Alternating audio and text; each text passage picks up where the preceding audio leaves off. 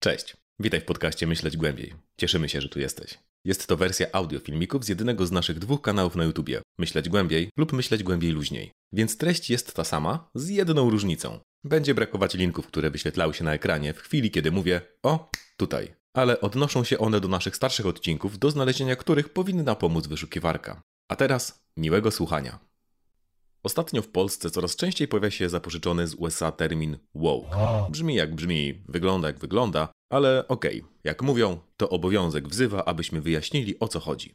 Choć mieliśmy kiedyś wideo o podobnym tytule, mówiliśmy o znacznie mniejszym i innym zjawisku, które ma konkretną definicję. A z tą woke oraz wokeness mają spory problem.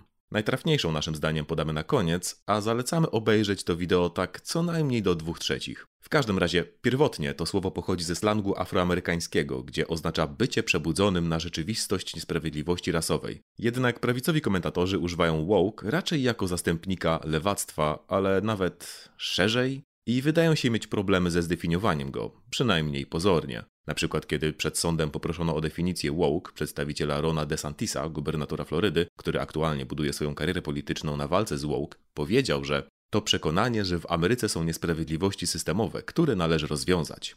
Cóż, twierdzenie, że USA to nie utopia i trzeba coś poprawić, też nam za bardzo nie pomaga. Dlatego warto spojrzeć na dyskurs, czyli nie to, czym woke jest, a jak woke działa.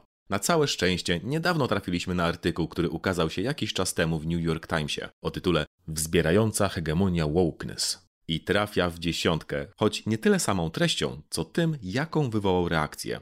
Artykuł zaczyna się sporem wokół tego, że na zajęciach pisarskich na Uniwersytecie w Teksasie, zamiast klasyków literatury, mają być analizowane teksty o prawnych problemach mniejszości w USA. I kiedy wykładowca angielskiego stwierdził, że studenci będą siłą rzeczy oceniani z myślenia woke, rozpętała się inba o zaskakująco szerokich reperkusjach. Najpierw zacytujmy z lekkimi komentarzami. Choć to określenie nie jest używane całkowicie poważnie, to w świecie akademickim i poza nim istnieje silne przekonanie, że ten zbiór poglądów na temat rasy, ekologii, feminizmu, kultury i polityki zagranicznej to pewna przebudzona perspektywa na problemy świata, swoista nieoficjalna ideologia uniwersytetu.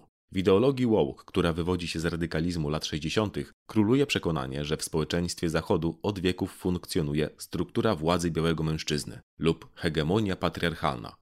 Z tym wiąże się pogląd, że wszyscy poza białymi heteroseksualnymi mężczyznami doświadczyli jakiejś formy represji. To, że cywilizacja zachodnia jest naturalnie nieuczciwa wobec mniejszości, kobiet czy osób trans, było w centrum uniwersyteckiego myślenia woke od rozpoczęcia niedawnego sporu o program nauczania.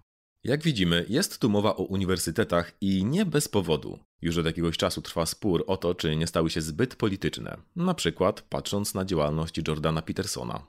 Akcja afirmatywna jest woke, podobnie jak gender studies czy queer studies, które mają silną reprezentację na sympozjach naukowych. Woke artykuły to na przykład Jane Austen i masturbująca się dziewczyna, miłość braterska, homoseksualny sobowtór Nabokowa, czy własne łono, męscy renesansowi poeci w ciele kobiecym, reprezentowane na zeszłorocznej konferencji w Waszyngtonie.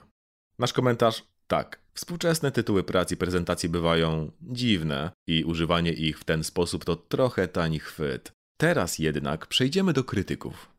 Woke stało się sarkastycznym przytykiem ze strony zarówno konserwatystów, jak i klasycznych liberałów, chcących opisać postrzeganą przez siebie nietolerancję, zamknięcie debaty, przymus dostosowania się do programu radykałów, niestosowanie się do którego grozi oskarżeniem o to powszechne trio myślozbrodni seksizm, rasizm i transfobię. To przejaw czegoś, co bywa nazywane liberalnym faszyzmem. Mówi Roger Kimball, autor książki Profesorowie Radykałowie, w której krytykuje coś, co nazywa polityzacją humanistyki. Pod hasłami pluralizmu i wolności słowa mamy wymuszenie wąskiego i ideologicznie zmotywowanego podejścia do programu nauczania, jak i do tego, co to znaczy być wykształconym i odpowiedzialnym obywatelem. Kimball mówi również, że z debaty akademickiej zostały wyrugowane pewne kwestie jak akcja afirmacyjna czy transpłciowość, z racji siły nacisków na przyjęcie perspektywy woke. Kimball i Jonathan Haidt, autor rozpiszczonego umysłu, narzekają na ukrytą radykalną agendę w programach nauczania, zaś osoby woke mówią, że tylko reagują na ortodoksję ustalaną tam przez tradycjonalistów. To też często przytaczany argument, że współcześnie młodzież na uniwersytetach jest już raczej indoktrynowana niż nauczana, od kiedy rozgościło się tam poprzednie pokolenie radykałów. Ale nie wszystko w woke jest takie różowe. Ale w artykułach i rozmowach pojawiają się też zmartwienia, że wokeness stała się sztywnym konceptem, nową ortodoksją, która blokuje głębie badań czy nawet jasność myślenia. Jeden z przemawiających powiedział, że dyskurs woke to swoisty fundamentalizm, który prowadzi do prefabrykowanych opinii oraz wyróżnia się uporem, świętoszkowatością, drażliwością i brakiem poczucia humoru.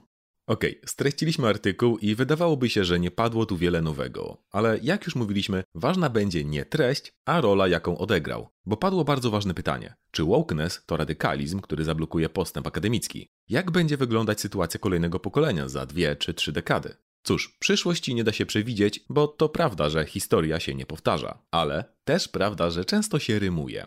Zatem możemy przyjrzeć się innemu pojęciu, dość bliskiemu woke poprawności politycznej, która święciła triumfy właśnie te dwie, trzy dekady temu. W roku 1990 również w New York Timesie został opublikowany artykuł na ten temat, który brzmiał zaskakująco podobnie. Do tego stopnia, że nie musimy go czytać, bo właśnie to zrobiliśmy. Tak, ten tekst powstał pokolenie temu, a jedyną dużą zmianą była podmianka homoseksualizmu na transpłciowość i ewentualnie Alana Bluma na Jonathana Haidta. Uwspółcześniliśmy też kilka nazw dziedzin, ale wszystko inne, włącznie z tytułami prac i niedawnym sporem wokół programu nauczania, to tekst sprzed 33 lat, czyli rok przed tym, zanim Peterson uzyskał doktorat. I to nie jest tak, że celowo pominęliśmy niepasujące fragmenty. Więc tak, kochane, kochani i kochanu. Woke to po prostu kolejny rebranding po tym, jak przestały działać pojęcia poprawność polityczna czy cancel culture. Obiecaliśmy wam jednak wyjaśnienie, więc oto ono. Prezenterka Fox News, Dana Perino, powiedziała niedawno, że woke poznasz, kiedy zobaczysz. I że chociaż progresywiści domagają się zdefiniowania woke, to może być to emocja albo przeczucie.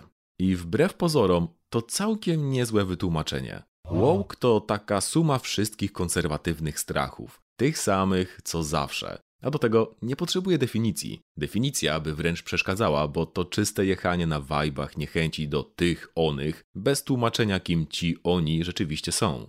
Na całe szczęście dla racjonalnej dyskusji politycznej ta wojna w USA nie idzie za dobrze. Musieliśmy zmienić homofobię na transfobię, bo mimo całej nagonki na poprawność polityczną, w tej kwestii dokonał się tak duży postęp społeczny, że nasz żart od razu wyszedłby na jaw. Podobna przegrana szykuje się z woke. W marcowym badaniu przeprowadzonym przez Ipsos ponad połowa osób uznała woke za pojęcie pozytywne. A w badaniu przeprowadzonym rok temu ponad 80% osób sprzeciwiało się takim metodom walki z woke jak usuwanie książek ze szkół.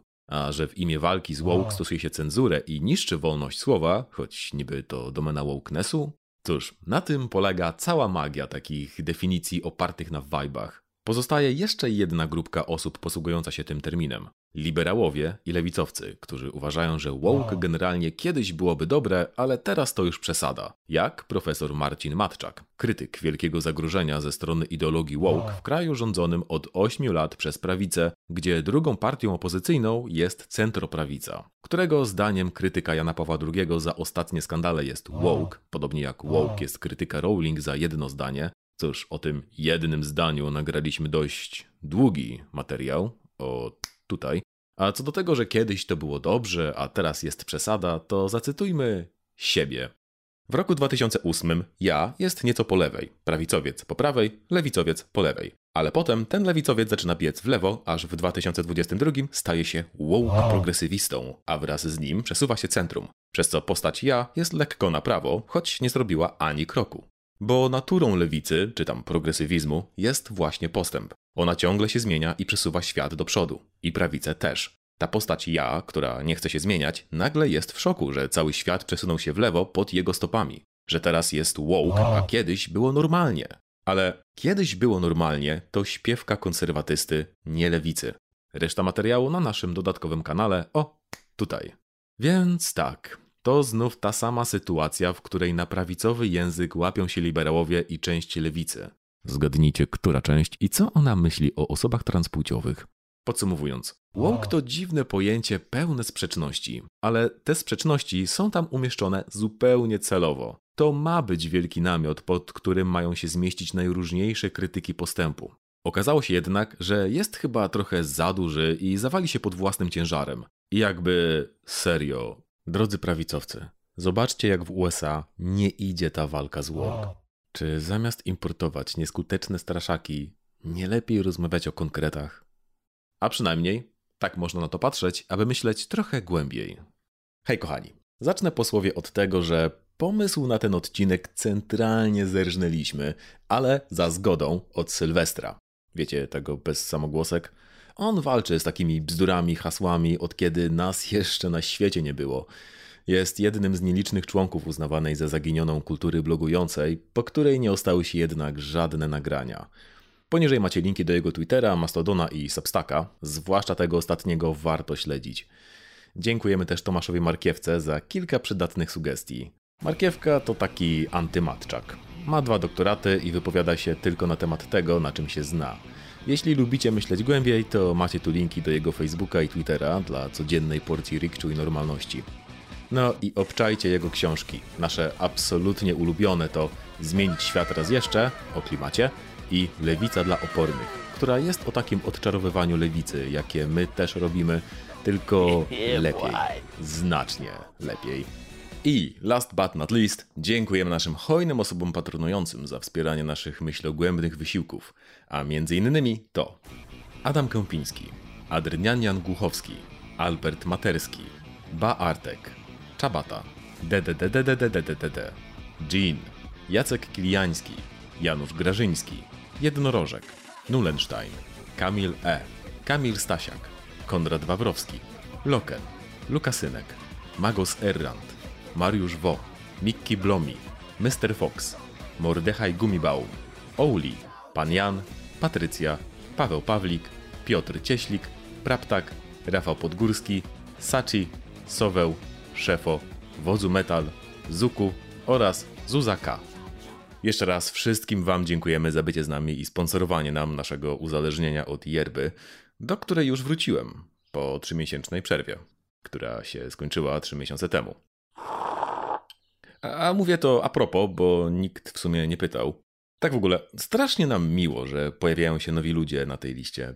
Co znaczy, że nasza społeczność głębiej myślących rośnie w siłę.